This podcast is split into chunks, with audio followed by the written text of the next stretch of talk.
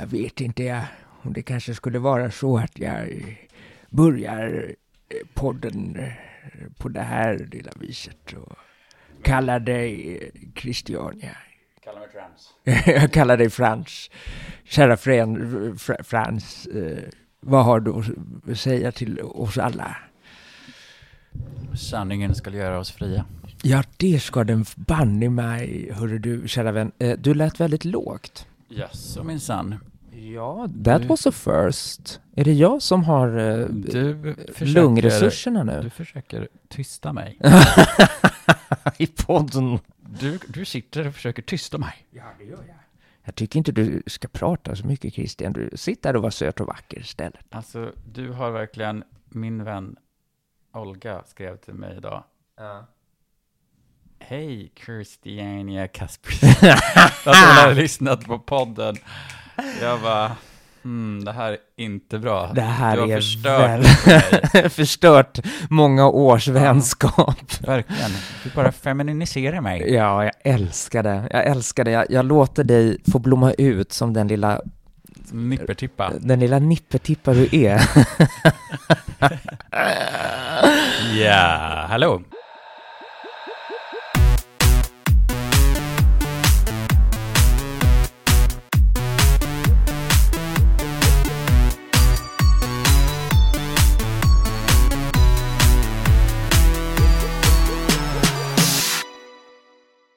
Nämen halli hallå och hjärtligt välkomna till Ytspänning! Podden där vi guppar på ytan men inte räds för att dyka ner till havsbotten.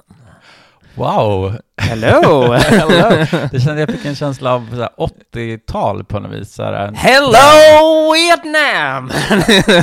Good morning Vietnam. Ja, någon fräsig radiopratare. ja men precis, kalla mig Robin Williams från och med nu. Eh, ja, mer än gärna. Ja, hörru du Christiania Kaspersen, eh, här ska vi köra hela dagen lång. Hela dagen lång, häng med oss. Häng med oss, vad händer annars i livet då? Vad händer annars? Ja, herregud. Ja, men eh, jag ska släppa en eh, EP. Ja, Det blir inte ett fullt album som jag hade planerat, men det känns bra. Eh, den 23 i sjätte. oh, jävlar i havet. Ja, det Då är hinner vi snart bara bara en släppa, månad. ja men precis, en månad ja. Vi hinner bara släppa ett avsnitt till, Mm. sen är det dags. Sen är det dags. Ta mig fan. Ja, ta mig fan, fan vad kul. Alltså Ja. det är ett fantastiskt eh, album. Det är ju speciellt en låt som jag har fått skickad till mig och som jag lyssnar på repeat ibland alltså. Ah, så härligt. Ja. Så härligt att höra. Ja. Hur är det med dig då? Jo men hörru Den du, gamla journalist. ja den gamla journalisten sitter här och får en massa journalistuppdrag helt plötsligt. Ja. Eh, Det är politiska reportage eh, ska skrivas i framöver. Eh, Ja, det är allt möjligt egentligen som händer här. Det är väldigt lite konst. Det sörjer jag lite Mm. faktiskt. För att, Ja, ja, för att jag, jag är ju ändå konstnär i grunden och jag gillar det här att jag kan liksom eh, skriva journalistik, eh, alternera med det konstnärliga, för det väger ju upp varandra så bra. Mm. Journalistiken, det är fakta, det är hands-on, Mm. eh, och eh, objektivitet, alla ska få komma till tals. Konsten vet ju definitivt du också, att där är det ju mera vi tar en händelse och ser vad den blir av på något vis. Det är Mm. öppna vågor liksom. Vi kan dyka ner, vi kan komma upp, vi kan säga något som är sant, vi kan ljuga lite, vi kan skarva. Mm. Så när det blir en obalans i det där, då får ju min kreativitet, åh, den måste bara ut i något osant här Jag fattar det fullständigt. Mm. Men vi behöver ju lite av varje. Definitivt.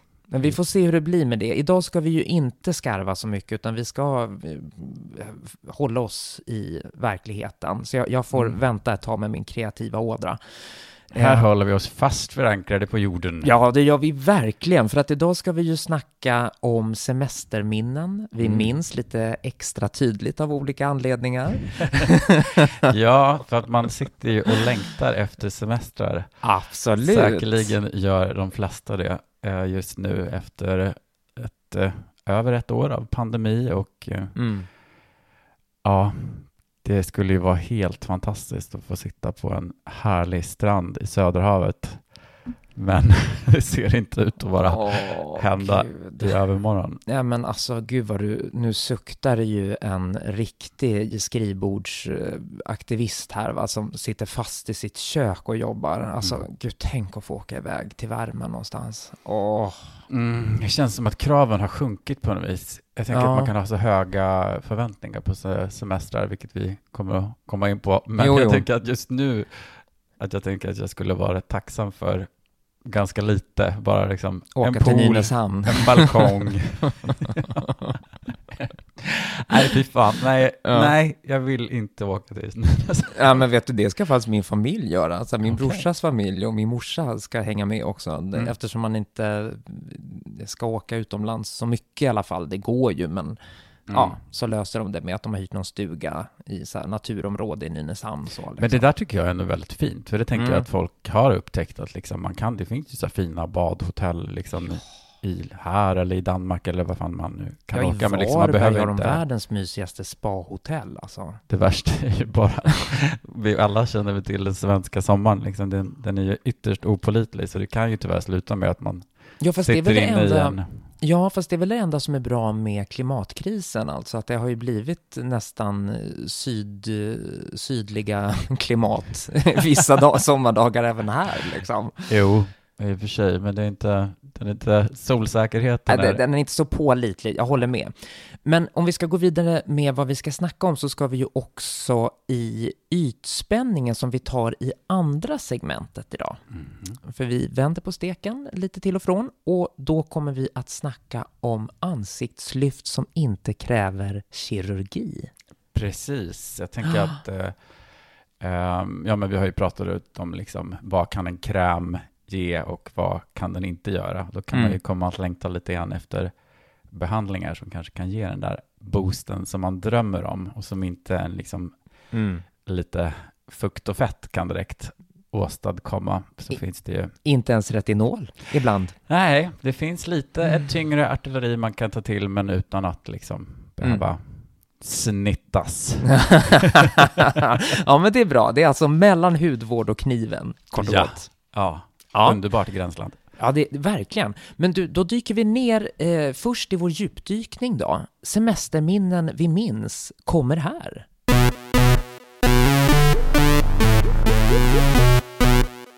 Jaha du Christian. Eller Christiania Ja, själv.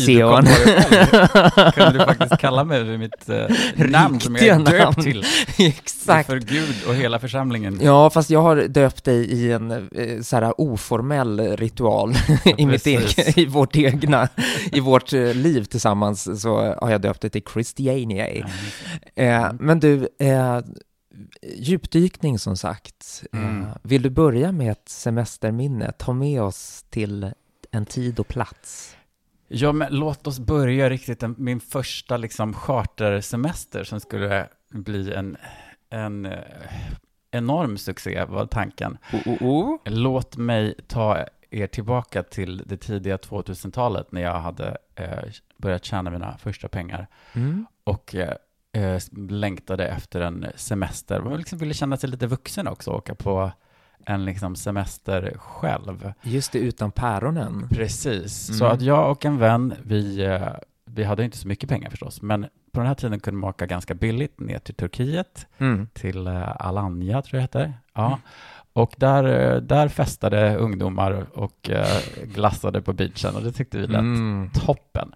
Ja. Så vi bokar en eh, ospecificerad resa till Alanya slash Side som var en liten håla som fanns i närheten.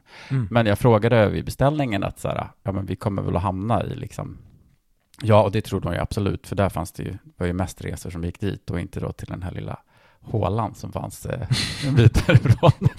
Men jag tror att alla kan ana redan nu att Var vi ni hamnade. inte hamnade mitt i den här härliga stan med eh, festande unga människor, utan förstås Mm. ute i en riktig jäkla håla Åh, där det var nej. några barnfamiljer som semestrade och vi. jag och min vän, eh, vi hamnar alltså på, dessutom, vi anar ju oråd då med en gång och liksom när vi Ja. förstår vilket hotell vi ska vara på och vart det här ligger. Man Mm. försöker ju ändå tänka, okej, men det kanske, det kanske kan bli bra ändå. Jo, jo. Eh, vi hamnar ute på det här hotellet som ligger lite mitt i något slags jävla gammalt industriområde slash bara så här gamla eh, ruiner ja, som ligger det här, ett hotell mitt ute i det här jävla, Nej. ja, Ah. långt från vare sig strand eller liksom eh, Mm. ens en liten småstad. För att inte tala om jämnåriga som man kunde träffa och festa Nej, nej, tillsammans nej, med. nej, nej, nej, nej, nej, det fanns inte många sådana. Eh, Ja. Och där kvarterar vi in oss och vi försöker väl liksom, det är som att vi liksom de första dagarna ändå så här inte pratar om liksom att, att det här är en besvikelse redan på början. Nej men gud, ja, man måste ju ändå live the dream som Ja, man ja, trodde att den skulle vara. Ja, ja, så att vi, vi festar ju på där lite grann och, och åker väl in till den här liksom ändå så här, ja men det är ju typ en by där det finns några, Mm. Några, något litet diskotek och lite pubbar. Liksom. Men det, det finns ju inte många jämnåriga där, utan det är ju liksom lite barnfamiljer och sådär som bor på det här hotellet. Mm. Och eh, våra fester liksom tar sig ju aldrig någonstans för att vi liksom, det händer ju ingenting. Det leder ju inte till någon slags explosion, utan Vad fan, fan vad misslyckat. Och bara dag tre tror jag vi blir matförgiftade också, så att det blir en härligt eh, mysig Ja, ja, nej, och då plötsligt så kan vi ju inte ljuga för varandra längre, utan vi, Nej. vi erkänner för varandra att bara, jag vill bara åka hem. Nej, åh. Ja. Vi försökte väl ändå så här förvalta det, vi gav väl upp det här, liksom, det här roliga festandet som skulle bli av, vart Mm. ju inte riktigt av, utan vi åkte på någon liten sightseeing-tur och Mm. kollade lite på, på landskapet, och, men var ganska glada att eh, få komma hem, även om vi förstås tyckte om att få vara med varandra, men, men Ja. den, liksom, den här semesterresan blev ju totalt eh, motsatsen till vad den skulle bli. Ja men alltså verkligen, Och tidiga 20-årsåldern. Ja, ja, visst. Hur länge skulle ni vara borta? Nej, det var en vecka. Ja men det Ja. är långt alltså, Ja. för att redan på dag tre, eh, Ja, ja, ett bara... mitt feet liksom. Nej, det var, och min vän verkligen gillar inte värme och liksom var ganska, tyckte inte det var jättehärligt med liksom What? Vem gillar life. inte värme? Min kära vän Olga är inte så förtjust i det här. Så Alltså det är Olga som också har börjat kalla dig för Christiania Kaspersione Äh, efter att ha lyssnat på den här podden, jag tror, tyvärr, det är väl en nackdel, men annars roligt. Ja, nej, där, där, det var den första härliga semesterminnet. Men så där, vet du, det där, vet du vad jag tänker? Det där är någonting alla ska ha i sin repertoar. Mm. För att alltså, första semesterresan utan päronen, eh, man känner sig jättevuxen, eh, man, man gör allt det där som man har drömt om att få göra själv, och man gör det tillsammans med en kompis, jada jada. Mm.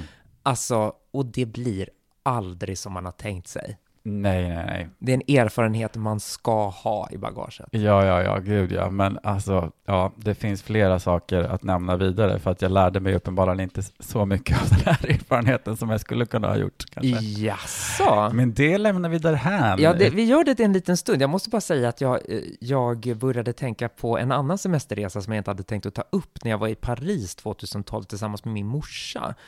Eh, jag och min morsa gör så ibland. Vi åker till ställen liksom sådär och ska, ja, typ gå på Louvren eller ja, Mm. sådana grejer. Ja, Le Louvre.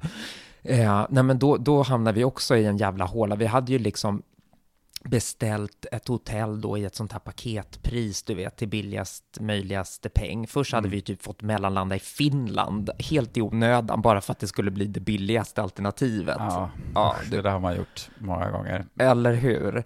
Och så när vi kommer dit då, då heter ju gatan någonting identiskt med eh, en gata som finns mitt inne i Paris, precis vid Eiffeltornet, du vet. Så vi går ju där och glassar och bara, åh, vilket läge vi fick, liksom sådär. Men vi hittar inte vår adress, vi bara, det är något som är skumt här.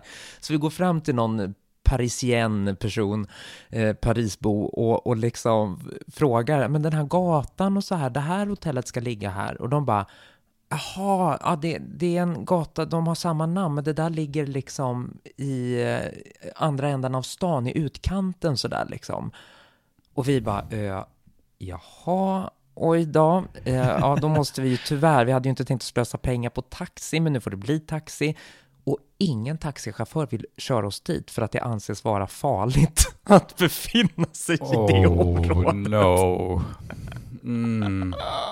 Det hände oss ingenting, men det var ju ändå liksom starten på resan, Mm. mysigt med sin mamma, man ska gå på Louvren och så vidare, och så Ja. hamnar man i någon ligistby någonstans. Ah, så klassiskt. Verkligen. Men en, en, eh, en resa som jag verkligen vill dela med mig av, som jag gjorde för inte så länge sedan, och egentligen är inte det en semesterresa, utan det är en jobbresa, men den är för bra för att inte berätta. Mm. Eh, Jag åkte med Scen-Sverige som är liksom en eh, så här, chefssidan utav scenkonstbranschens eh, intresseorganisation. Liksom. De gör en massa olika projekt och en hel del handlar nu för tiden om mångfald och liksom mångfaldsarbeten eh, över gränserna, landsgränser med liksom andra länders motsvarighet till Scen-Sverige. Eh, Så jag blev skickad ner till Georgien Mm. landet där And Then We Danced utspelar sig i. Just det. Mm. I Tbilisi då, deras huvudstad. Eh, Det är ju ett gammalt kommunistland liksom sådär va, som håller på nu då att marknadsliberaliseras. Eh, vilket i, i den kontexten är bra, för att det var ju en diktatur. Mm. Liksom, alltså nu, folket förtrycktes och bla bla bla. Men eh, homofobin är extremt stark där. Extremt starkt. Och vi åkte ju dit då för att göra någonting med eh, transfrågan eftersom transkvinnor hade hängts ut i georgisk media och du vet mördats på löpande band efter fy det. Liksom. Ja, nej, men vi, Som i många delar av Afrika där de också har hängt ur. ja, ja, visst. Och det här är ju väldigt nära Iran, Irak, eh, alltså den, eh, Mm. det är ju liksom, ja. Ja, Usch, kändes inte läskigt då? Jo, men vet du vad det sjuka är? Att liksom en kvinna som jag, som liksom ser ut som jag gör, jag är ju transkvinna, men det visste de ju inte. Jag blev ju busvisslad efter på stan och jag bara, this is where the problem lies girl. liksom, you'll like it without knowing it. Ah, Men då i alla fall, jag och Mette Akerholm Gardell som är dokumentärfilmare, vi tog oss såklart, när de ville att vi skulle gå och se på någon så här fin georgisk Dramatenproduktion, liksom, så tog vi oss till gayklubben istället, Mm. of course. Det är därför jag ändå klassar in just det här tillfället som ett semesterminne, för att vi gick ut på baren och drack, såklart. Liksom. Ja. Och det var draguppträdande. Och det var så sjukt som svensk och västerlänning att komma dit. För du vet, kön utanför, vi blev ju stoppade va? Utanför och bara, vilka är ni? Vad gör ni här? Så här, ja, ja, ja. ah, vi vill inte ha er här. No trouble.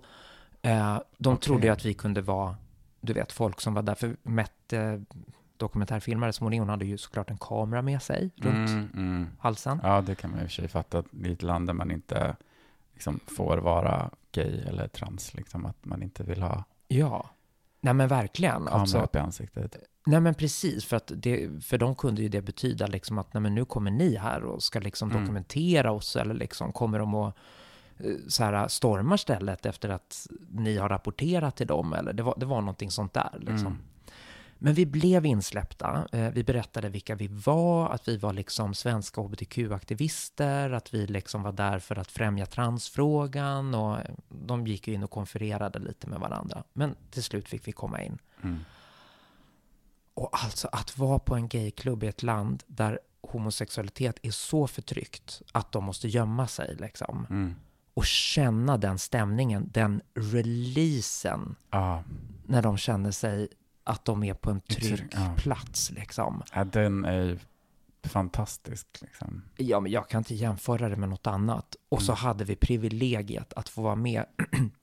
det här är alltså mitt livs största scenkonstupplevelse. En dragshow med tre somewhat transkvinnor. Jag tror att någon var kanske drag queen, men några var också transsexuella eller någonstans på transspektrat sådär liksom. Mm. När de uppträdde och då liksom hyllade sina mördade systrar då liksom. Oj. Ja, vi visste ju inte vad de sa, men vi fattade ju för folk skrattade och grät om vartannat liksom. Mm. För de gjorde ju narr av kyrkan. Eh, staten och kyrkan är enormt eh, förknippade med varandra i Georgien. Ja, Mm. visst. Mm. Och, de, eh, och ekonomin inte minst. Va? Så att det är inte bara homofobi per se, det är också eh, ekonomiska krafter i att kyrkan tillåts föra ut sitt homofoba budskap som de gör. Liksom. Mm. Men då, så de gjorde ju narr av kyrkan eh, deluxe liksom sådär va. Och jag menar, det var ju världens sämsta scenkonst-performers. Alltså, Mm.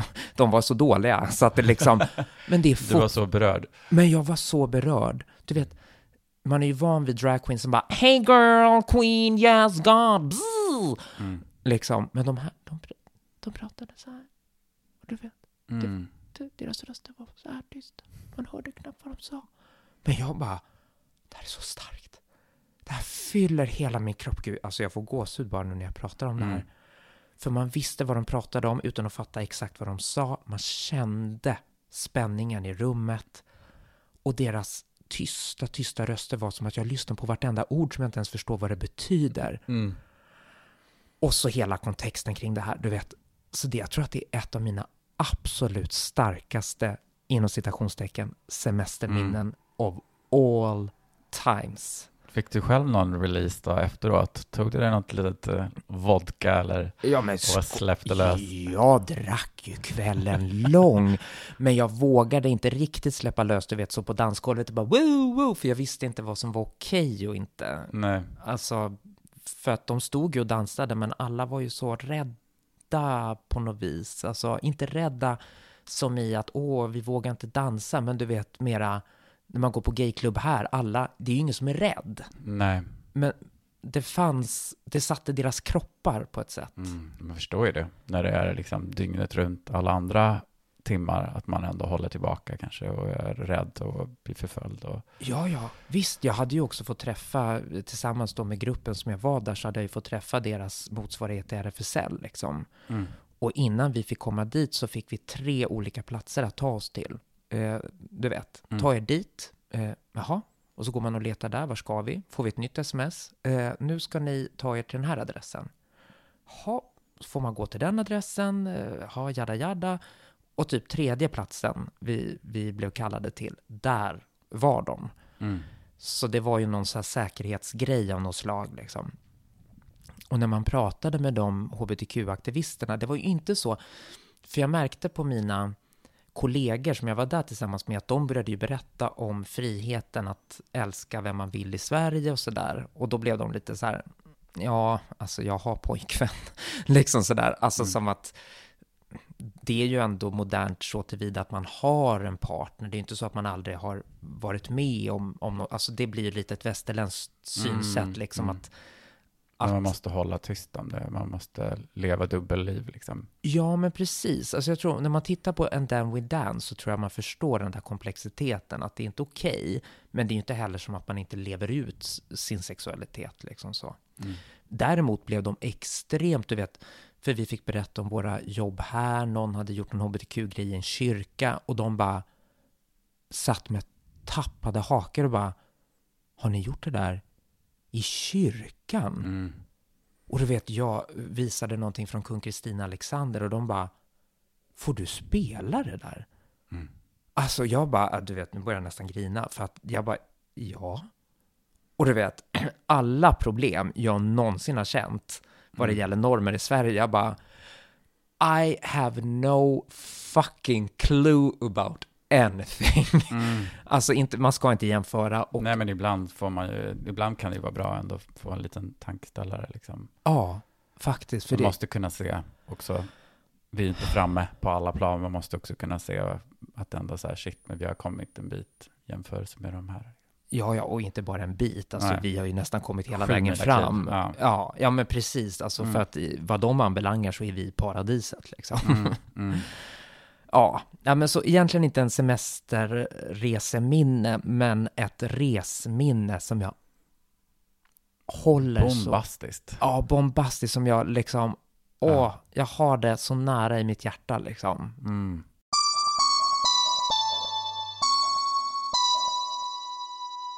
Nu vill jag höra när du spydde på Rivieran första gången.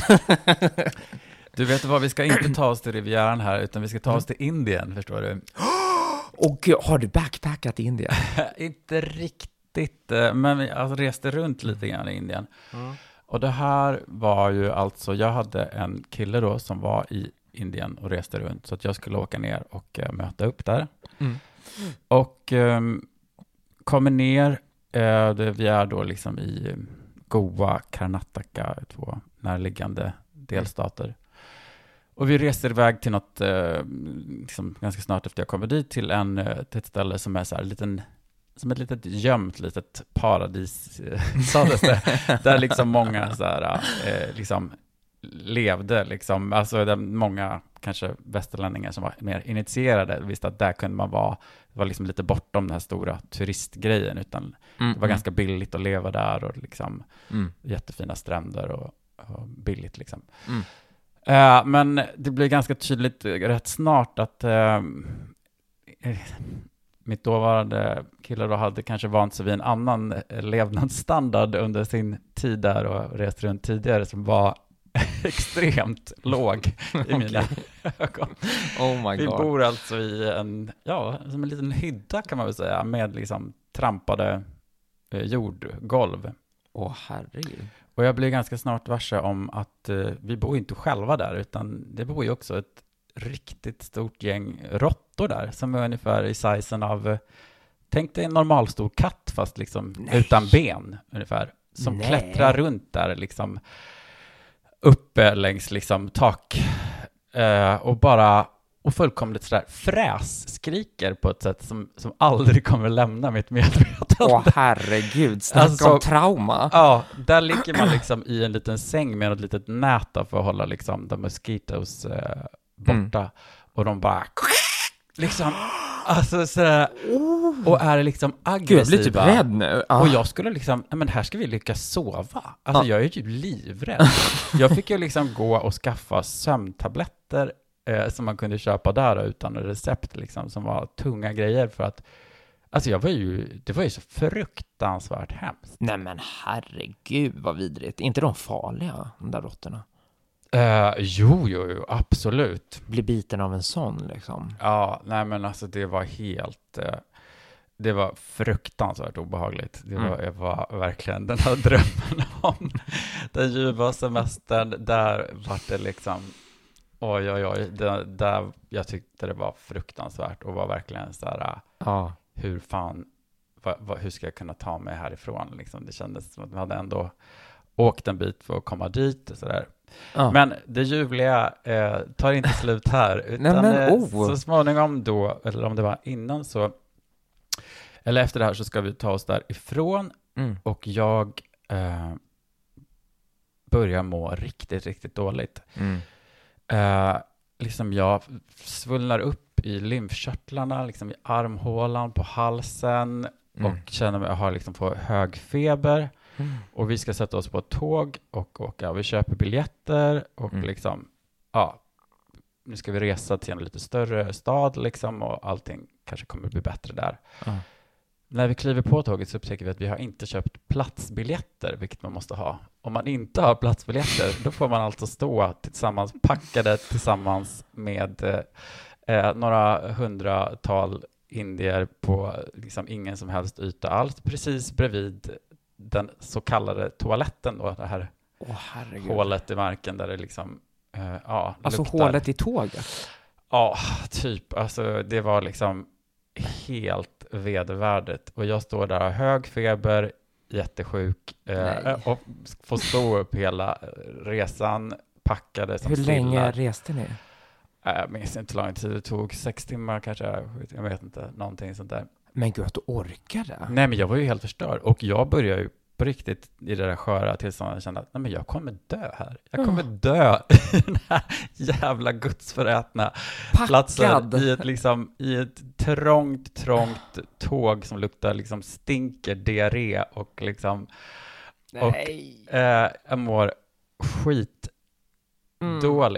liksom. Nej. Ja, så det visar sig då nästa dag så jag överlever i alla fall den här tågresan, men eh, ja, vi har ju fått, har bokat hotell, bokat liksom plats i någon, men de kör iväg oss, visar det sig sen då, till fel ställe. Också något sånt där ställe som ligger långt, vi skulle egentligen bo på någon trevlig bungalow, men vi hamnar liksom på något annat hotell som heter något snarlikt, som är snarare något slags lägenhetskomplex med liksom galna hundar som skäller och något helt Gud vad det här låter typiskt Äh. en Indienresa alltså. Ja, nej men alltså herregud. Nej, fy fan. Ja. Och du är sjuk typ Och jag är hela sjuk resan. och tänker att, nej men liksom, vad fan händer? Vad händer liksom? Man börjar svullna upp, liksom körtlar och jag har liksom ingen aning. Det är ingenting som jag hade varit med om överhuvudtaget förut. Det var liksom helt nytt. Ja, ja, ja. Och det visade sig nästa dag jag träffade någon läkare att jag har liksom troligtvis drabbats av någon liksom tropisk eh, feber. Eh, Alltså jag har Mm, blivit mm. från något så här mosquito-bite liksom. Kan det ha varit någon vattengrej också eller? Nej, men jag tror att det var från en insekt, att liksom jag blivit Ah, biten okej. och fått något så här. Så Ah. det var liksom i,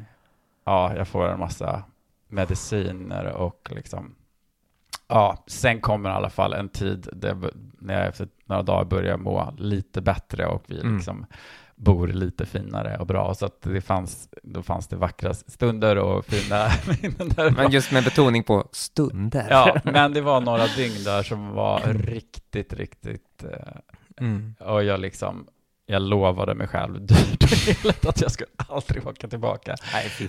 Indien någonsin igen i hela mitt liv, utan kände att, Ja. sen fattar jag att man kan ju åka, Indien är fan en hel jävla världsdel, man kan Ja. åka till massa ställen och har man lite mera gott om pengar så kan man ju leva på massa med härliga ställen. Men Mm. jag tyckte att det var, jag tyckte det var svårt, det kändes otroligt smutsigt och, Mm. och liksom jag tyckte det känns också väldigt jobbigt att resa runt som västerlänning någonstans där det Ja, de otroligt de mycket fattigdom och, och barn som tigger och liksom det skapade Mm.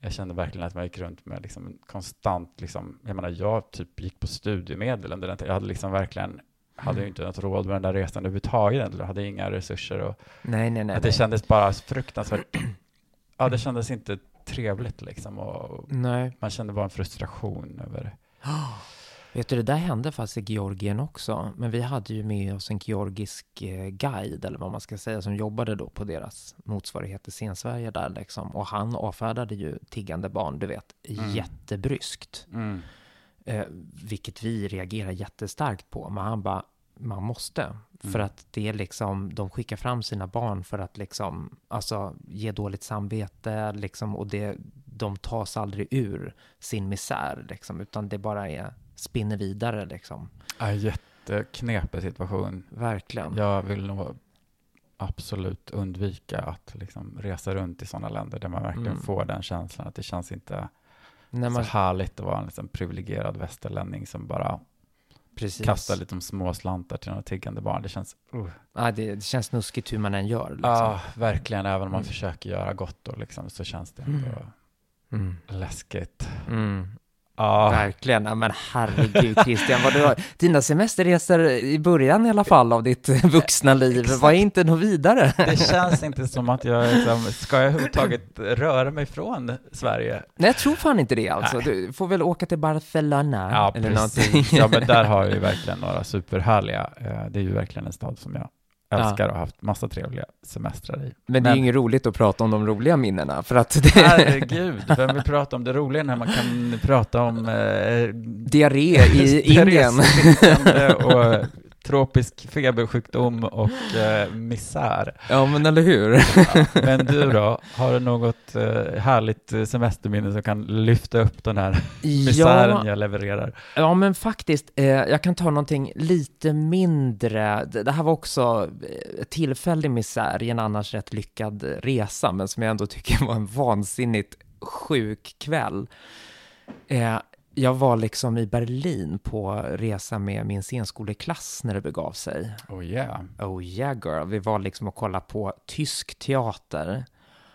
Åh, det är det bästa som finns. Alltså de, de går liksom inte emot, de är inte rädda för något, utan det är liksom så här, står det i manus att bajsa den andra i munnen, ja då gör de det så trovärdigt de bara kan. Åh herregud. Ja, alltså de, ja, men de är modiga och Mm. som svensk eh, där vi hela tiden vrider och vänder på varje jävla kommatecken liksom, så är det jättebefriande att se liksom. Mm. Men vi var ju såklart också ute och festade en hel del. 2007. Det var ju vad man väl- gjorde 2007. Alltså jag var också i Berlin Ja. några gånger där. Ja, men eller hur? Det Mm. var ju den åldern. Alltså, vi var väl runt 26 här kanske, Mm. något sånt. Eh, så vi var ute och klubba runt om i hela Berlin och kom hem sent om natten och sen upp tidigt och sådär. Man pallade fortfarande liksom så. Mm. Så det gjorde vi. Men efter en kväll, då hade vi gått hela Berlin runt och hamnat på en helt fantastisk klubb där vi hade haft jättekul hela kvällen. Jag ville inte gå hem, så jag stannade tillsammans med en kille i min klass och fortsatte festa och jada jada. Eh, men då tänkte jag ju såklart att jag skulle få sällskap av honom hem eftersom Mm. Oh, den där. Exakt, eftersom han eh, visste hur man kom hem. Liksom. Jag hade ingen aning. Men han träffar såklart en tjej den kvällen då. Mm, Och ska ready gå for hem. some and bumpin'. Oh yeah girl. Och jag bara, jaha, det betyder ju att jag kan ju inte stanna kvar här och liksom vara något jävla plåster när han håller på att få till det liksom. Så jag Mm. bara, ah, okej, men då får jag gå hem efter bästa förmåga då liksom. Jag menar, jag hade ju adressen så det var ingen fara så liksom. Jag börjar gå och jag känner igen mig och jag känner igen mig och jag känner igen mig. Ja, ah, okej, men nu ska jag ta höger här. Eller var det vänster? Börjar helt plötsligt. Jag får sån ångest. Jag, Ja, jag har varit med om sådana saker själv också. Ja. eller hur? Mm. Ja, men det är så vidrigt. Jag som liksom, jag är rädd för att gå vilse. Du vet, det är mitt kontrollbehov. Jag, jag klarar inte av att inte veta var jag är någonstans. Mm. Jag får så här katastroftankar. Att Nej men shit. gud, jag har liksom långt fram i livet alltid så skrivit ner små lappar, så här, om Mm. jag skulle tappa min telefon eller min, min plånbok, att säga jag måste veta vart jag är, vart jag Exakt. ska. Jag tycker det, det finns ju en del som verkligen skräckblandad förtjusning att vara i främmande städer och festa, inte minst, som ändå Eller handlar om hur? att släppa lite på kontrollen och sen plötsligt Mm. ja, så står man där och bara själv och bara, vad fan, känner sig skulle? jätteutsatt liksom. Ja. ja, men precis. Nej, men, eh, så när, när jag liksom började att gå eh, åt ett håll jag inte hade någon aning om, kommer jag hem nu eller är jag på väg åt fel håll? För jag, jag fick inte ihop det. Du vet, till slut började jag gå i cirklar så jag kommer tillbaka till samma plats hela tiden. Jag bara, jag är i the twilight zone Mm. och fick sån panik. Eh, alltså det, det är ju en ogrundad panik för att du hittar ju alltid någonstans där du får hjälp. Jag menar, det var ju liksom inte Indien. Nej, det var Det- inte ute på landsbygden i någon indisk kola liksom. Nej, men precis. Och det var ju Berlin. Alltså, alla kan ju engelska. Mm. Men jag, jag fick eh, panik i alla fall. Liksom. Så jag bara, okej, jag skiter i det här. Jag har inte jättemycket pengar. Men jag sätter mig i en taxi, för jag har adressen. Då kommer jag garanterat hem. Ha, så jag sitter i en taxi och vi är på väg hem. Och jag känner igen mig och jag känner igen mig och bara, ah, nu är vi vid Alexanderplatz Ah, underbart. Nu, vänta, åkte han in på en jättekonstig gata. Jag bara, är det här verkligen den gatan? Liksom. Han bara, ja, ja. Och så helt plötsligt så stannar han och bara, var vi framme?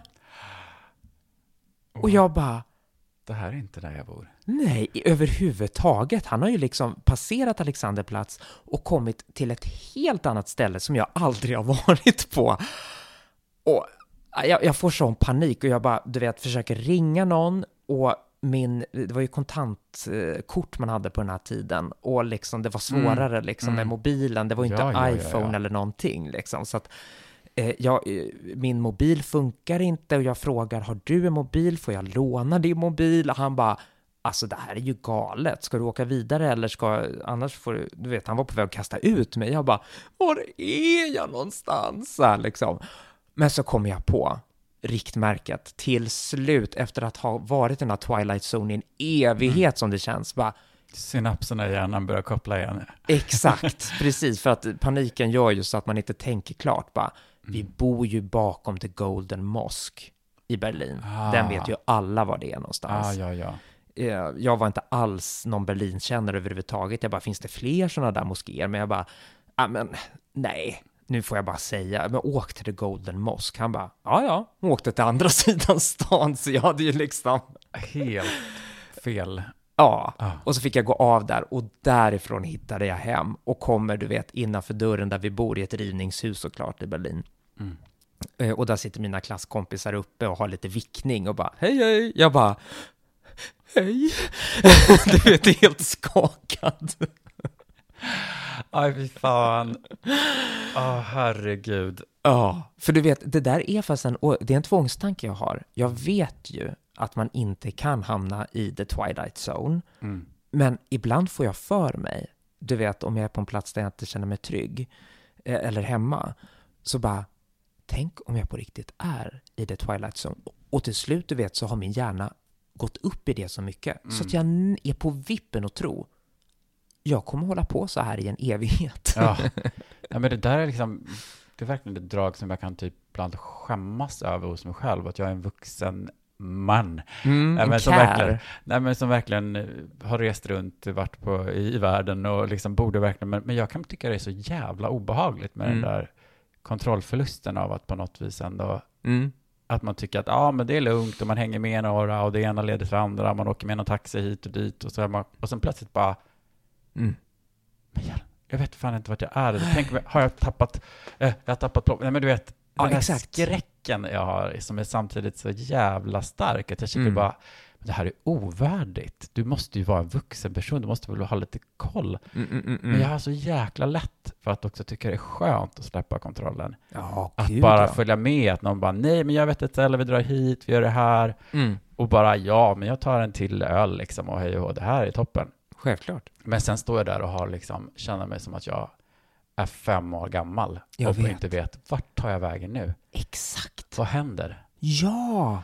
Men låt mig ta en sista eh, liten absolut. berättelse som är lite Men grann... vad skönt det var att få höra att någon annan också har den där skräcken, för att det där, är, jag, precis som du säger, jag har ju skämts över det här Mm. som bara den, liksom bara, men jag är ju inte ett barn, vad fan är jag rädd för, liksom? Nej, men det, fan, det är ju en annan sak att sätta sig i helt främmande platser. Man måste, och speciellt om man liksom dricker och liksom så är det klart att man Mm. måste ju inse att det är klart att det skapar en känsla av kontrollförlust liksom. Ja, och är man då en person som har ett kontrollbehov som kanske är lite utöver det vanliga, då Mm. är ju det där, det, symbole, eh, det symboliserar ju någonting. Ja, och sen också är man en person som har ett kontrollbehov lite över det vanliga så Ja. brukar det också resultera i att man så gärna vill släppa på det. Ja, Därför att det är så precis, det blir starkt för så att mycket. man gärna vill liksom berusa sig och liksom kasta Mm. sig iväg, få bara släppa det där en stund. Exakt. Men sen så, så slår ju liksom pendeln över åt andra hållet och man bara, ah, total förlust liksom. Ja, men verkligen. Det är lite som eh, den samhälleliga debatten just nu. Pendeln slår åt alla möjliga olika håll och kanter. Ja, verkligen. Extremer. Ja. Ja, nej men det här var ju en,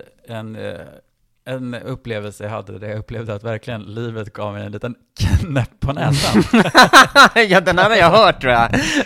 ja, jag och en vän har dragit till Prag. Det här var Mm. ja, runt samma tid som du var i, i Berlin. Mm. Eh, och eh, ja, men det är ju jättevackert och liksom var ett häftigt ställe. Jag gillade liksom stan. Mm. Och vi går på en bögklubb första kvällen och eh, glider runt där och ganska snart så kommer det någon amerikan och klatschar till mig i rumpan och, och eh, bjuder in oss till ett stort eh, sällskap liksom. Och, och vi kände oss plötsligt väldigt populära. Eh, Mm. Och det var sådär verkligen, vi liksom Living man kände the dream. living the dream. Vi kände oss eh, plötsligt väldigt uppskattade från alla möjliga håll och kanter. Så Mm. folk ville hänga och snacka med oss. Och vi var glassiga svenskar tyckte vi, liksom så här, Mm. lite trashigt Prag bögställe. Mm, mm.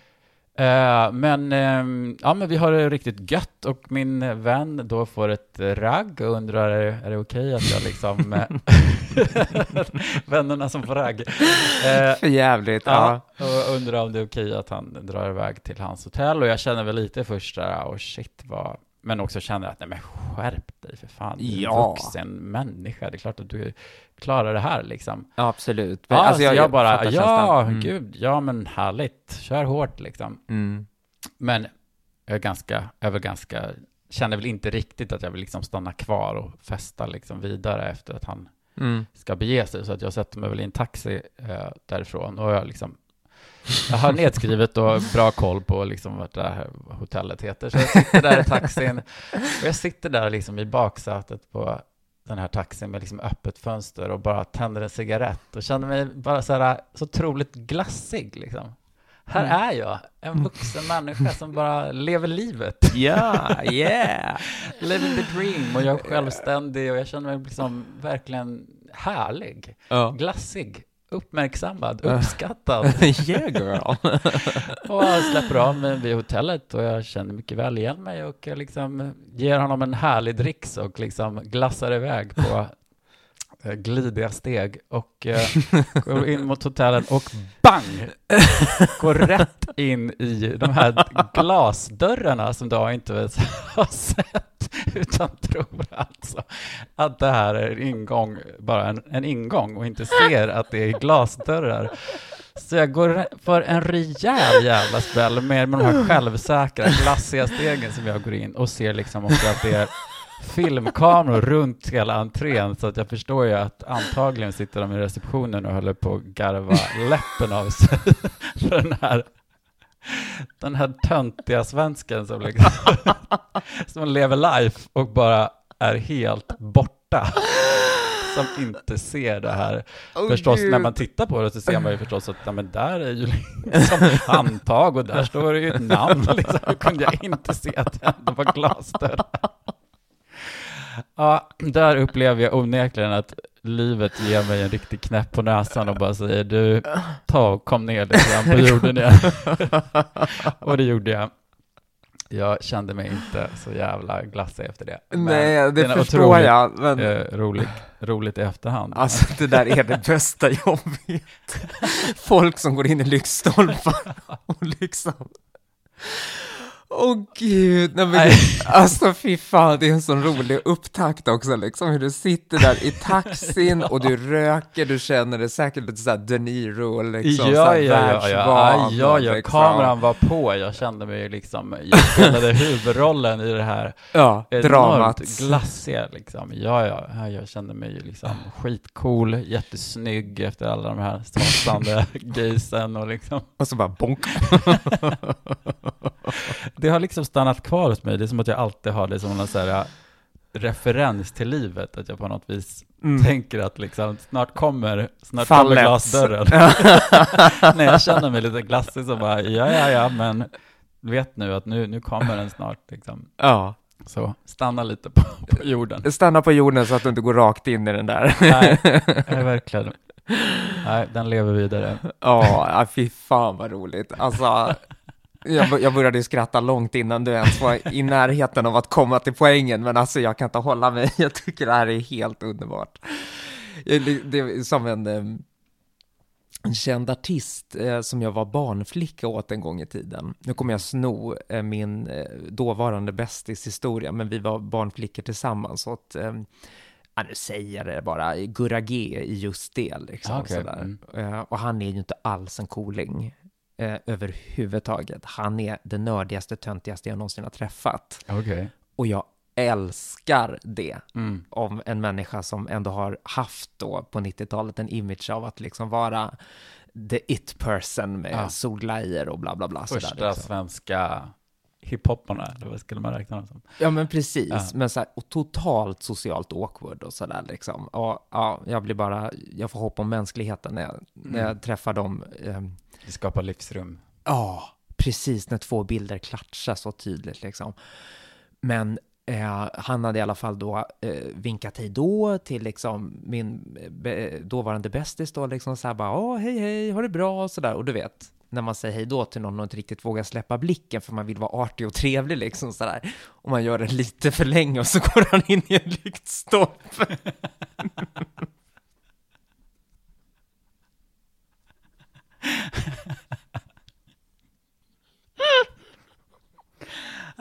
Fan, man har ju gjort det liksom.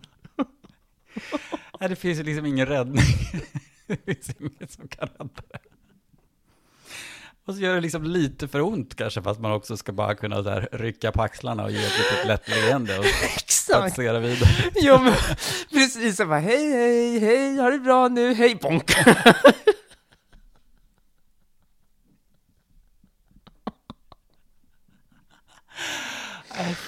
Fan. Åh, gud. Åh, åh, gud. Men det, det är underbart Christian, just den där upptakten. Du sitter i bilen, gud vad vi loopar det här nu, men det är så jävla roligt.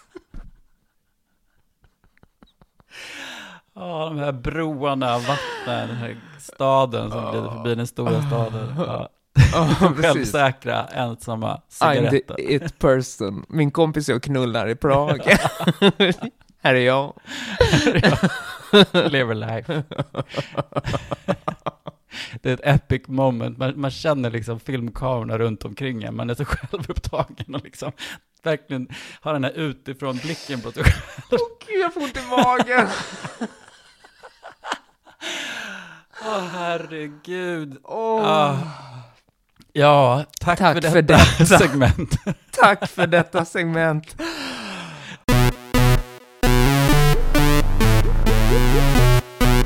Låt mig börja på den eh, första behandlingen jag gjorde för ungefär tio år sedan. Eh, Och du började tidigt alltså. Ja, preventative girl, Och preventative. Preventiva.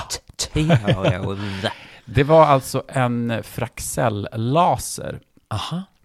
Eh, en Fraxell-laser fungerar så att eh, om du tänker dig som en fyrkant eh, som man går över huden. Ja. Varje liksom litet skott så att säga är, eh, gör eh, 25 procent av det som är inne i den här lilla fyrkanten penetreras huden alltså av, eh, av laser så att Mm. den skjuter ner. Så att det blir ju liksom som en kontrollerad brännskada kan man ju egentligen då säga på de här punkterna.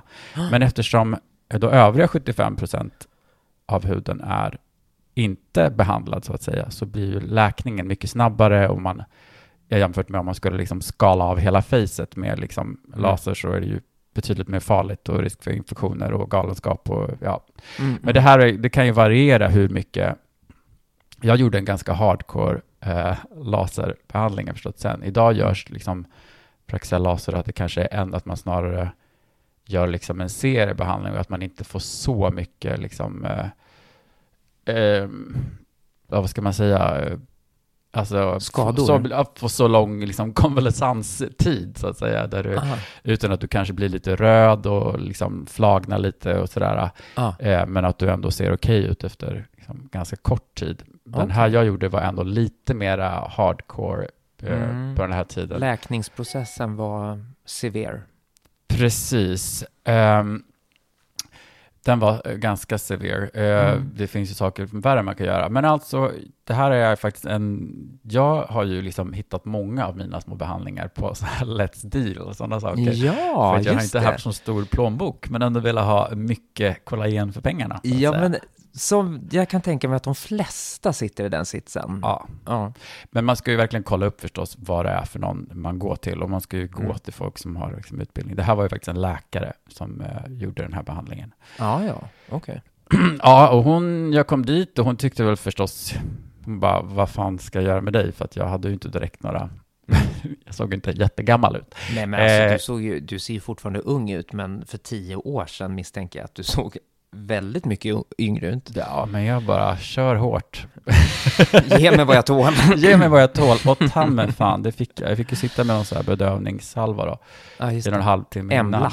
Ja, men helvete vad det gjorde ont. Alltså, det gjorde jävligt ont ska jag säga. Jag Och jag som är så smärtkänslig, då vet Ja. jag inte om jag vågar. Nej, de här, äh, det, det kändes ska jag säga. Jag, jag var verkligen, jag, Ah. Ja, jag minns liksom verkligen svetten rinner ner för min kalla kropp liksom och bara liksom få ta pauser och bara försöka andas liksom för att det gjorde jävligt ont. Alltså vet du, nu, nu får jag flashbacks till när jag gjorde epilering. Du vet, så här, man tar bort eh, skägg, eh, strå för strå med en nål som sprutar ner värme eller någonting i hårsäckarna så att de dör. Liksom, sådär. Då fick jag också ha den där bedövningssalvan, eh, salvan eh, Embla och Mm. fick en lätt brännskada i huden. Det var inte roligt alltså, fy fan. Nej, det, det sådana här saker kan kännas, men Mm. är man Vill man fåfäng bli fin och så vidare liksom. Ja, och Mm. så vidare. Och det är Mm. på något vis, det är ju det som bevisar att man är rätt fåfäng, som man är beredd Ja, att utsätta Man är sig. beredd att göra vad fan som helst. Ja, nej men när jag går därifrån så är man ju liksom kraftigt eh, röd i ansiktet och jag fick liksom instruktioner om att typ skölja ansiktet med liksom typ Max ljummet vatten och smörja in det med liksom vit vaselin Mm, mm. tre gånger om dagen. Just det. Ja, eller vad det var. Och ehm, jag gör det här på en fredag och har liksom jobb på måndagen. Mm. Tänkte liksom att, ja men tills dess ska det väl ändå se okej ut. Men Mm. om jag från, början bara liksom är jäkligt röd, så efter några dagar så börjar ju alltså då 25% av huden att eh, trilla av.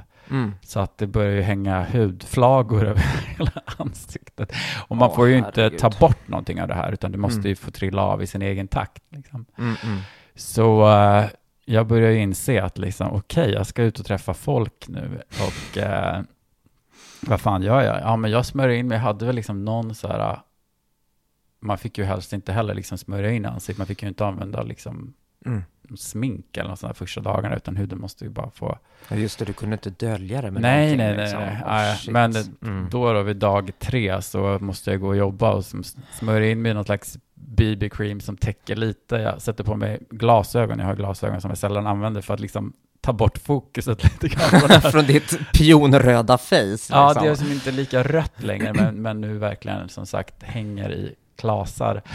Och eh, en keps har jag på mig för att ytterligare liksom Ah, tona ner intrycket av det här, men det syns ju absolut. Eh, mm. Och, eh, men sen efter typ en vecka då, när den här liksom 25 procenten har trillat av, Mm. då såg jag ju ut som en fucking babyrumpa alltså. För då hade man ju liksom knappt några liksom, alltså kollagenet och sånt, det tar ju liksom Mm. tre, fyra månader innan det har liksom bildats och skjutits upp till huden. Så att det är inte den effekten, men just det Mm. blir som en sån jäkla peeling. Så att jag hade ju knappt några liksom mimiska linjer ens i ansiktet, utan jag såg ju liksom helt fucking Alltså, youthful for the gods. Oh Ja. my god. Ja. Ja, men sen så efter ett tag kom ju naturligtvis liksom eh, vanliga liksom, mimiska linjer och allt sånt där tillbaka. Mm. Och Men sen är det ju väldigt, något som är svårt ju dock att det är ju väldigt svårt att säga med alla den här typen av behandlingar, för att förändringen kommer ju så sakta, så det är ju ganska svårt att tänka så här, ja, men har det skett någon Mm. skillnad? Hur såg jag ut för fyra månader sedan? Ja, men liksom, Kan vi ta så här före och efterbilder kanske? precis, men det är liksom, det är ju inte... I samma ljus, så att det blir rättvist. Ja, men exakt. Ja, Mm. men det är svårt att liksom se, men, men jag tror absolut att den här behandlingen eh, hjälpte till en Mm. keep me fresh för ändå länge. Mm. Resultatet är ju liksom bestående. Och sen så Mm. åldras man ju vidare och livet eh, rullar på. Men man har ju ändå gjort en, en boost för huden. Ja, men precis. Och som också då räcker lite längre än hudvård som sagt. Men liksom, vad, hur, hur länge skulle du säga att den här, eh, det här resultatet håller i sig? Om du ändå ska göra en uppskattning liksom. Svårt att säga. Mm. Jättesvårt att säga. Något år, några år kanske. Oj! Men det är ju fantastiskt. Ja, ja, ja. Det är fantastiskt. Och Då jag, är det ju värt smärtan och pengarna på riktigt ja, alltså. Ja, ja, Alltså jag vill ju, alltså en del som har liksom, är betydligt liksom äldre eller har mycket akne och så där, kanske gör, Mm. kanske väntar då tre, Ja. fyra månader och sen gör man en till behandling så att man gör det några gånger liksom. Och då kan man ju verkligen få, Okej. för det här är ju också, jag menar akneär och sånt är ju svårt att komma åt. Liksom, det är ju svårt att få bort akneär helt och hållet. Men, men, Mm. men Flexellaser är ändå någonting som rekommenderas, liksom, som ändå kan göra skillnad. Okej. Och jag hade ju också, jag har ju en pigmentfläck som jag har försökt att få bort i tusen år med Mm. alla möjliga grejer. Men det var ju så fantastiskt att se, för där den hade skjutits där, då kommer ju liksom de här bruna pigmenten kommer liksom upp till ytan. Aj. Och sen trillar ju det av liksom sen när de här... Jaha. Så då trodde jag ju, gud, nu är den här nästan borta. Men sen så tyvärr så ligger ju pigmentfläckar, ligger ju oftast liksom som ett mm. under ytan liksom. Så att det du ser på toppen liksom finns Ja, som en strut ligger ner liksom. liksom. Ja, så så det är den- bara, när ett lager är borta då kommer nästa upp Precis, liksom. så att är det någonting man kan säga så är det ju verkligen fan använd solskydd och håller i skuggan de värsta timmarna folks. För att Mm. jag har provat IPL, laser, allt möjligt på den här pigmentfläcken. Det går inte. Det går nästan inte att få bort, så att det är verkligen bara förebyggande som gäller om man inte vill ha liksom, pigmentfläckar. Absolut. Och jag har ju fått pigmentfläckar nu. Jag har väl alltid haft säkert något litet sådär, men ju äldre man blir som sagt så får man ju de där grejerna liksom. Mm. Och nu har jag fått den här, precis under höger öga, liksom på kindbenet. Mm, det är här jag också har det, är liksom en hög punkt liksom på Ja, ansiktet som lätt... Och det här är ju sånt man kan ha, kanske man fick när man var 16 liksom. Ja, Alltså den, den som kommer fram nu ja, när vi är gamla och grå. precis. Ja. Ja. jag menar jag har varit sjukt noga med att använda solskydd sen jag säkert var liksom 20. 24 i Ja, alla fall. Liksom. och jag har Men- inte varit det förrän typ för förra året. nej, nej, men det, det är hårt. Men alltså, det här är definitivt en behandling som jag kan rekommendera. Mm. Den, är ju, den var ju ganska billig just då, då, för att det var en sån här eh, Let's Deal-grej typ. Men, Mm. eh, så att jag har kollat lite grann nu på om jag skulle göra något sånt igen. Men Mm. det, det kostar. Det är rätt dyrt faktiskt. Just det. Men ehm, har man pengarna och känner att man vill boosta upp sin hud lite mer på djupet så Mm. I do recommend. Mm. I do. Ja, jag blir ju ändå lite sugen, även om jag är smärträdd. Ja, men det här ska man ju, och så alla gemensamt för med de här behandlingarna förstås att man ska göra, den här ska man definitivt göra på liksom sen höst, vinter. Mm. För att huden blir ju solkänsligare när man har liksom ändå skalat av liksom 25 procent där av eh, Mm. överhud. Ja, men vet, det, den är ju liksom lite skör, rosa och ny. Liksom. Man ska ju verkligen, Eh, Passa Solhatt sig. och Ja, ja. skugga och inte en stråle i fejden. Nej. Alltså. Stay the fuck away. Gör inte någon sån här behandling. För ibland kan det ju vara Mm. som vissa fulingar liksom har de här behandlingarna kanske lite billigare. På Så att- sommaren. Ja, men kanske inte på rakt av på sommaren, så fräcka är jag väl knappt bara. Men ja, jag säger bara, gör det inte liksom ens liksom Nej. sen vår. För att det blir där, man vill sitta ute och man promenerar och Ja, det är Men- omöjligt. Ja. Du kommer få sol i ansiktet, vare sig du vill eller Ja, inte. Hur försiktig du än är. Liksom. bättre att välja sitt tillfälle. Ja. Okej, men vi går in på nästa lilla grej då. Mm. Då har vi IPL. ja, det här har du rekommenderat att jag ska göra. Ja, det här är ju liksom, eh, folk blandar lätt ihop IPL att det är laser. Eh, det är inte laser. Det är liksom ehm, intensive pulse light. Så att det är liksom, ja det är ljus liksom som du skjuter ner i huden. Men Mhm. med laser, man kan säga, liksom, laser kan man ju rikta. Man kan ju liksom Mm. Skära med laser Ja, eh, i, i huden. Medan IPL är liksom en mera bred stråle, eller vad man ska säga, som inte är på samma sätt. Så den är ju inte lika, Som en värmestrål eller? ja, precis, liksom ljus eh, som Mm, mm. skjuter ner liksom. Men, Okej. Och det här, eh, korta ljusimpulser. Men det här, så det är inte en lika liksom, aggressiv behandling kan man säga. Och det har Mm. jag eh, liksom gjort, eh, gått till något ställe. Brukar gärna ha, men jag har nog liksom gjort ganska regelbundet nästan, kanske så här tre behandlingar per år liksom med, med IPL. Hur länge då? Ja, flera år. Nej! Varje år ungefär tre gånger utan undantag? Ja, någonting har jag gjort liksom varje år, gått på någon behandling för att liksom... Fy fan alltså. Du är så om dig och kring dig, Ja, Christian. då, mina vänner. Jaha man då. kan köpa då ett litet paketpris kanske, för det här är ju som sagt, eh, när man gör IPL, det gör ju inte alls lika ont. Eh, som, och, eh, men det som är speciellt med IPL är att liksom, om jag skulle typ få erbjudande om att spela huvudrollen i en film just nu, nej, men då skulle jag Mm. definitivt gå och göra några IPL-behandlingar. För det som IPL gör är att verkligen den reducerar rodnad, alltså brustna kärl och sånt där, bara liksom drar ihop sig och Okej. liksom kan hjälpa på pigmentfläckar och liksom huden får en allmänt liksom jämnare ton och liksom lite ökad eh, fuktnivå, lite mer spänst i huden och så här. Så, att, eh, Okej. så den är liksom väldigt så, ja men Mm. inte någon stor, eh, liksom det är inte något, man kanske kan bli lite, lite röd, kanske jag blir så här lite på kinden eller någonting, men, men det är inte någon Mm. som gör att du måste gå och gömma dig i några dagar. Men hur länge skulle du säga att det här håller måttet liksom? Hur länge? Ja, men det är ju det som man måste vara medveten om i IPL, är att liksom de här äh, brustna kärl och sånt som man kanske har runt näsan och lite sådana det kommer tillbaka efter ett tag. Mm. Det kan liksom inte göra det permanent. Så det här är någonting som man får göra då och då. Ja, och det är därför man, du gör det typ tre gånger per år för att hålla Precis. resultatet. Men så. om jag gjort så det är lite mer annan- kortvarigt resultat. Precis, för att själva liksom stimuleringen av huden är ju ändå långvarig så att säga. Men just Mm. de här med, med det som du har på kärlen, det liksom ändå går ju bort efter kanske ett halvår eller någonting, så här, Mm. ett år, så, så är det tillbaka. Mm. Men det gör väldigt mycket. Jag kan verkligen se vilken jäkla skillnad det gör. Liksom att bara få bort liksom, lite grann den här rodnaden som man lätt har som sagt runt näsan och lite Mm. kärl. Man får ju verkligen så här, wow, ett Mm. lite mera, man ser ju lite mer liksom, retuscherad ut på något vis. När man får bort dem där. Det bidrar ändå till att skapa skuggor och rodnad, att på ett sätt som man märker att det gör skillnad att få den där behandlingen. Men som Mm. sagt, kolla upp vart fan du går. Alltså IPL är inte så, det är inte så känsligt, det är inte samma sak som att liksom skjuta ner Mm. liksom laser, så att man behöver inte vara lika rädd för att göra en sån behandling, även om man är osäker på behandlaren. Liksom, utan att, eh, Nej.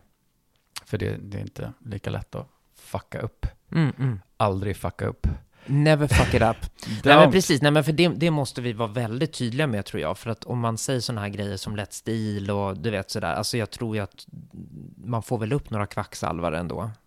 Ja, ja, ja, absolut. Och du det är ju väldigt, väldigt... noga, du är extremt noga med vem är det jag går till, du gör din research och sådär, så det är inte bara... It's your face, honey. Alltså, Ja, it's du your vill face, ju ja. inte fucka upp någonting med ditt ansikte, liksom. Så att, eh, Precis, så att det är ingen lättvindighet vi förespråkar det här, utan liksom, du kan absolut hitta bra behandlingar för en billig peng, men du måste göra din research, att det verkligen är ett seriöst ställe med någon som faktiskt vet vad de håller på med. Liksom. Precis.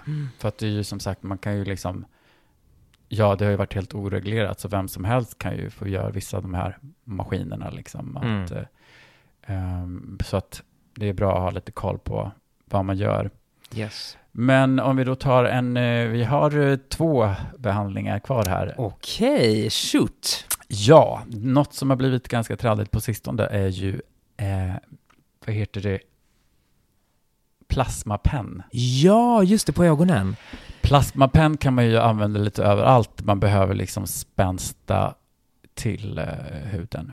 Okej. Ja, Och du har gjort och jag har gjort det på ögonlocken. För liksom huden på ögonlocken börjar ju liksom eh, hänga lite mer med eh, ju äldre man blir. Absolut. Och eh, ja, men det är ju där de flesta kanske retar sig på Mm. Men det här är ju förstås, man kan ju inte bara, man kan ju göra det på ja, linjer runt ögonen eller på lite överallt för att liksom fräscha upp huden. För det är som att den skjuter ner små så här elektro, Mm. eh, som liksom gör så att det blir som en tsch, liten, liten, lite som en liten brännskada där också kan man väl säga. Just det. Och det här gör liksom att eh, cellerna runt omkring liksom drar ihop sig där kring så att Okej. huden liksom tajtas till Mm. på det här området. Ja, och det Eh. blev synbar förändring. Ja, då har jag Man bara ser. gjort det en gång. Man kan ju göra det här flera gånger för att få mer liksom, Mm. riktigt rejält. Och det är jag absolut peppad på att göra. Ja, Eh, här fick man också sitta då med en sån här Embla-kräm. och att det gör ont. Det gjorde ont. Eh, jag fick också så här att det liksom, jag fick så här som ryckningar liksom. Mm, mm. När den gjorde på något ställe så, så var det som att hela, liksom, hela fejan liksom åker upp och ner den till. där. Ja, Ja. på vissa ställen var det som att det touchade någon nerv, liksom att det var så här, han bara, oj, vad händer nu? Liksom, det var som att bara, jag, bara, alltså jag vet inte, det, det Ja. liksom bara eh, ryckte till, liksom. men det, det gjorde, det gjorde definitivt ont, Ja. Ehm, men eh, det var det helt klart värt. Eh, Ja, det där ja. är ju också så att man får liksom badda det efteråt med Mm. Alzol-lösning, skulle man bara badda några gånger Mm. eh, per dag, typ, som liksom drar ihop det och desinficerar det och liksom sådär. Mm, mm. Så att det sitter ju kvar liksom små sårskorpor, så man ser ut som att man är liksom någon slags eh, sydamerikansk indianstam, lite med de här små prickarna.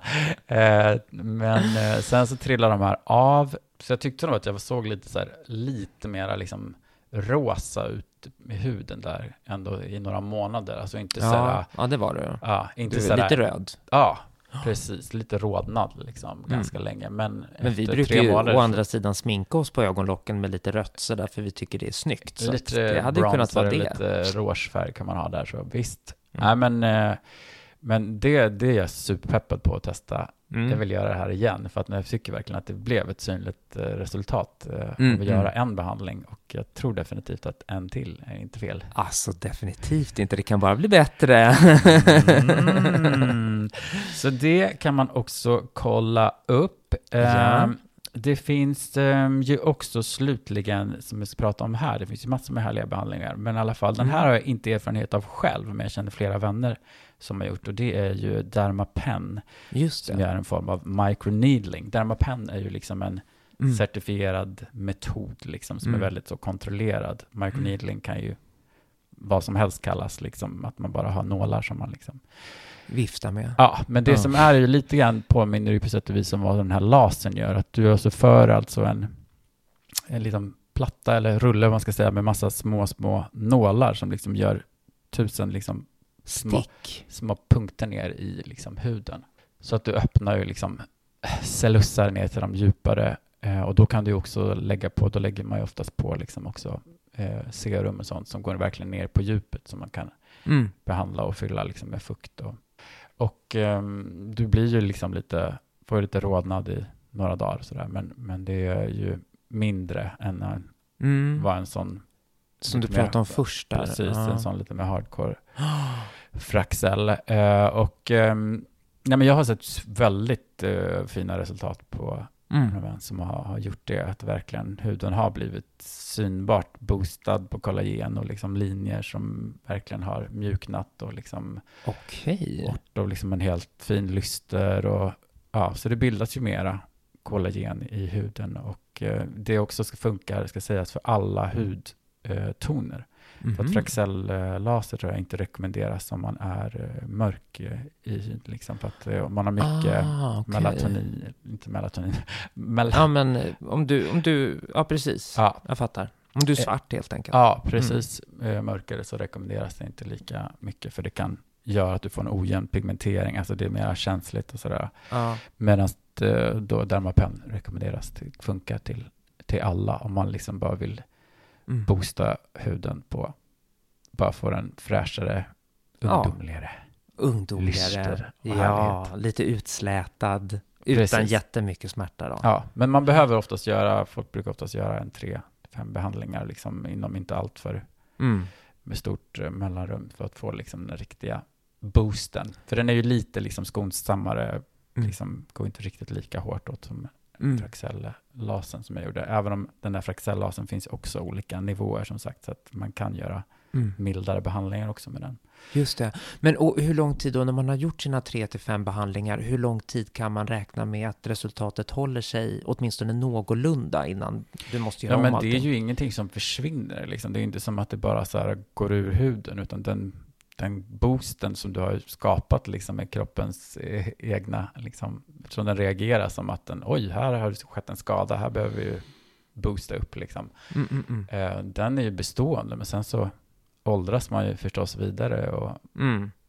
Ja, ja. slits, slits ut. Men så Ja, att liksom, det går det- inte att den- säga den- att den, den är försvinner. ändå- den är där. Liksom. Den, är, den är permanent, Ja. fast du måste göra om den ju äldre du blir då. ja, men precis. Så det är bra att liksom Mm. ha någonting man kan boosta till med någon gång ibland om man känner sig Mm. lite släten. Men du Christian, tack Ja. så jättemycket. Ja, men tack kära Alexa. Kära vän, du, du har verkligen eh, gett oss saker att eh, dyka ner i den här veckan. Ja, men vad bra. En spännande Nördighet. ytspaning, ja verkligen. Nej men för att det här är ju nästa steg, alltså har du börjat med hudvård eller håller på lite grann med hudvård, jada jada. Det, det Mm. räcker to a limit och, och sen är det det här liksom, om du inte gör eh, plastikkirurgi liksom. Ja, men precis. Mm. Om du inte gör det liksom, det här är ju liksom sånt som bara boostar huden. Sen kan du ju liksom ha botox som paralyserar liksom musklerna mer eller fylla upp ansiktet med fillers liksom. Men, men Mm. det här är ju sånt som man bara vill liksom boosta Mm. huden, men inte liksom förändra någonting i sitt yttre, utan på något vis bara Mm.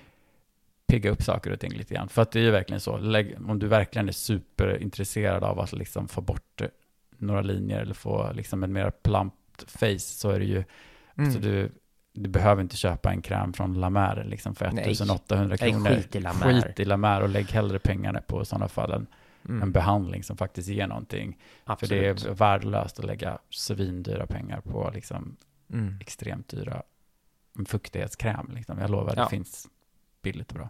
Nivea, bland annat. Ja. Spice up your life, kort och gott. Gör det folks, spice up your life. Spice up your life, every boy, every girl, spice up your life. Nej men hörrni, eh, jag tror att vi säger som så att eh, vi sätter punkt här. Ja men det gör vi, vi har babblat på fan så länge. Ja, fan så länge. Det är möjligt att ni inte märker det i klippet nu eftersom vi försöker hålla oss till en timma, men eh, eventuellt har vi dragit över. Skitsamma. Jättehärligt att snacka. Eh, vi hörs igen om två veckor. Nya spännande samtal. Ni vet vad ni ska göra. Rata, gärna höga stjärnsiffror.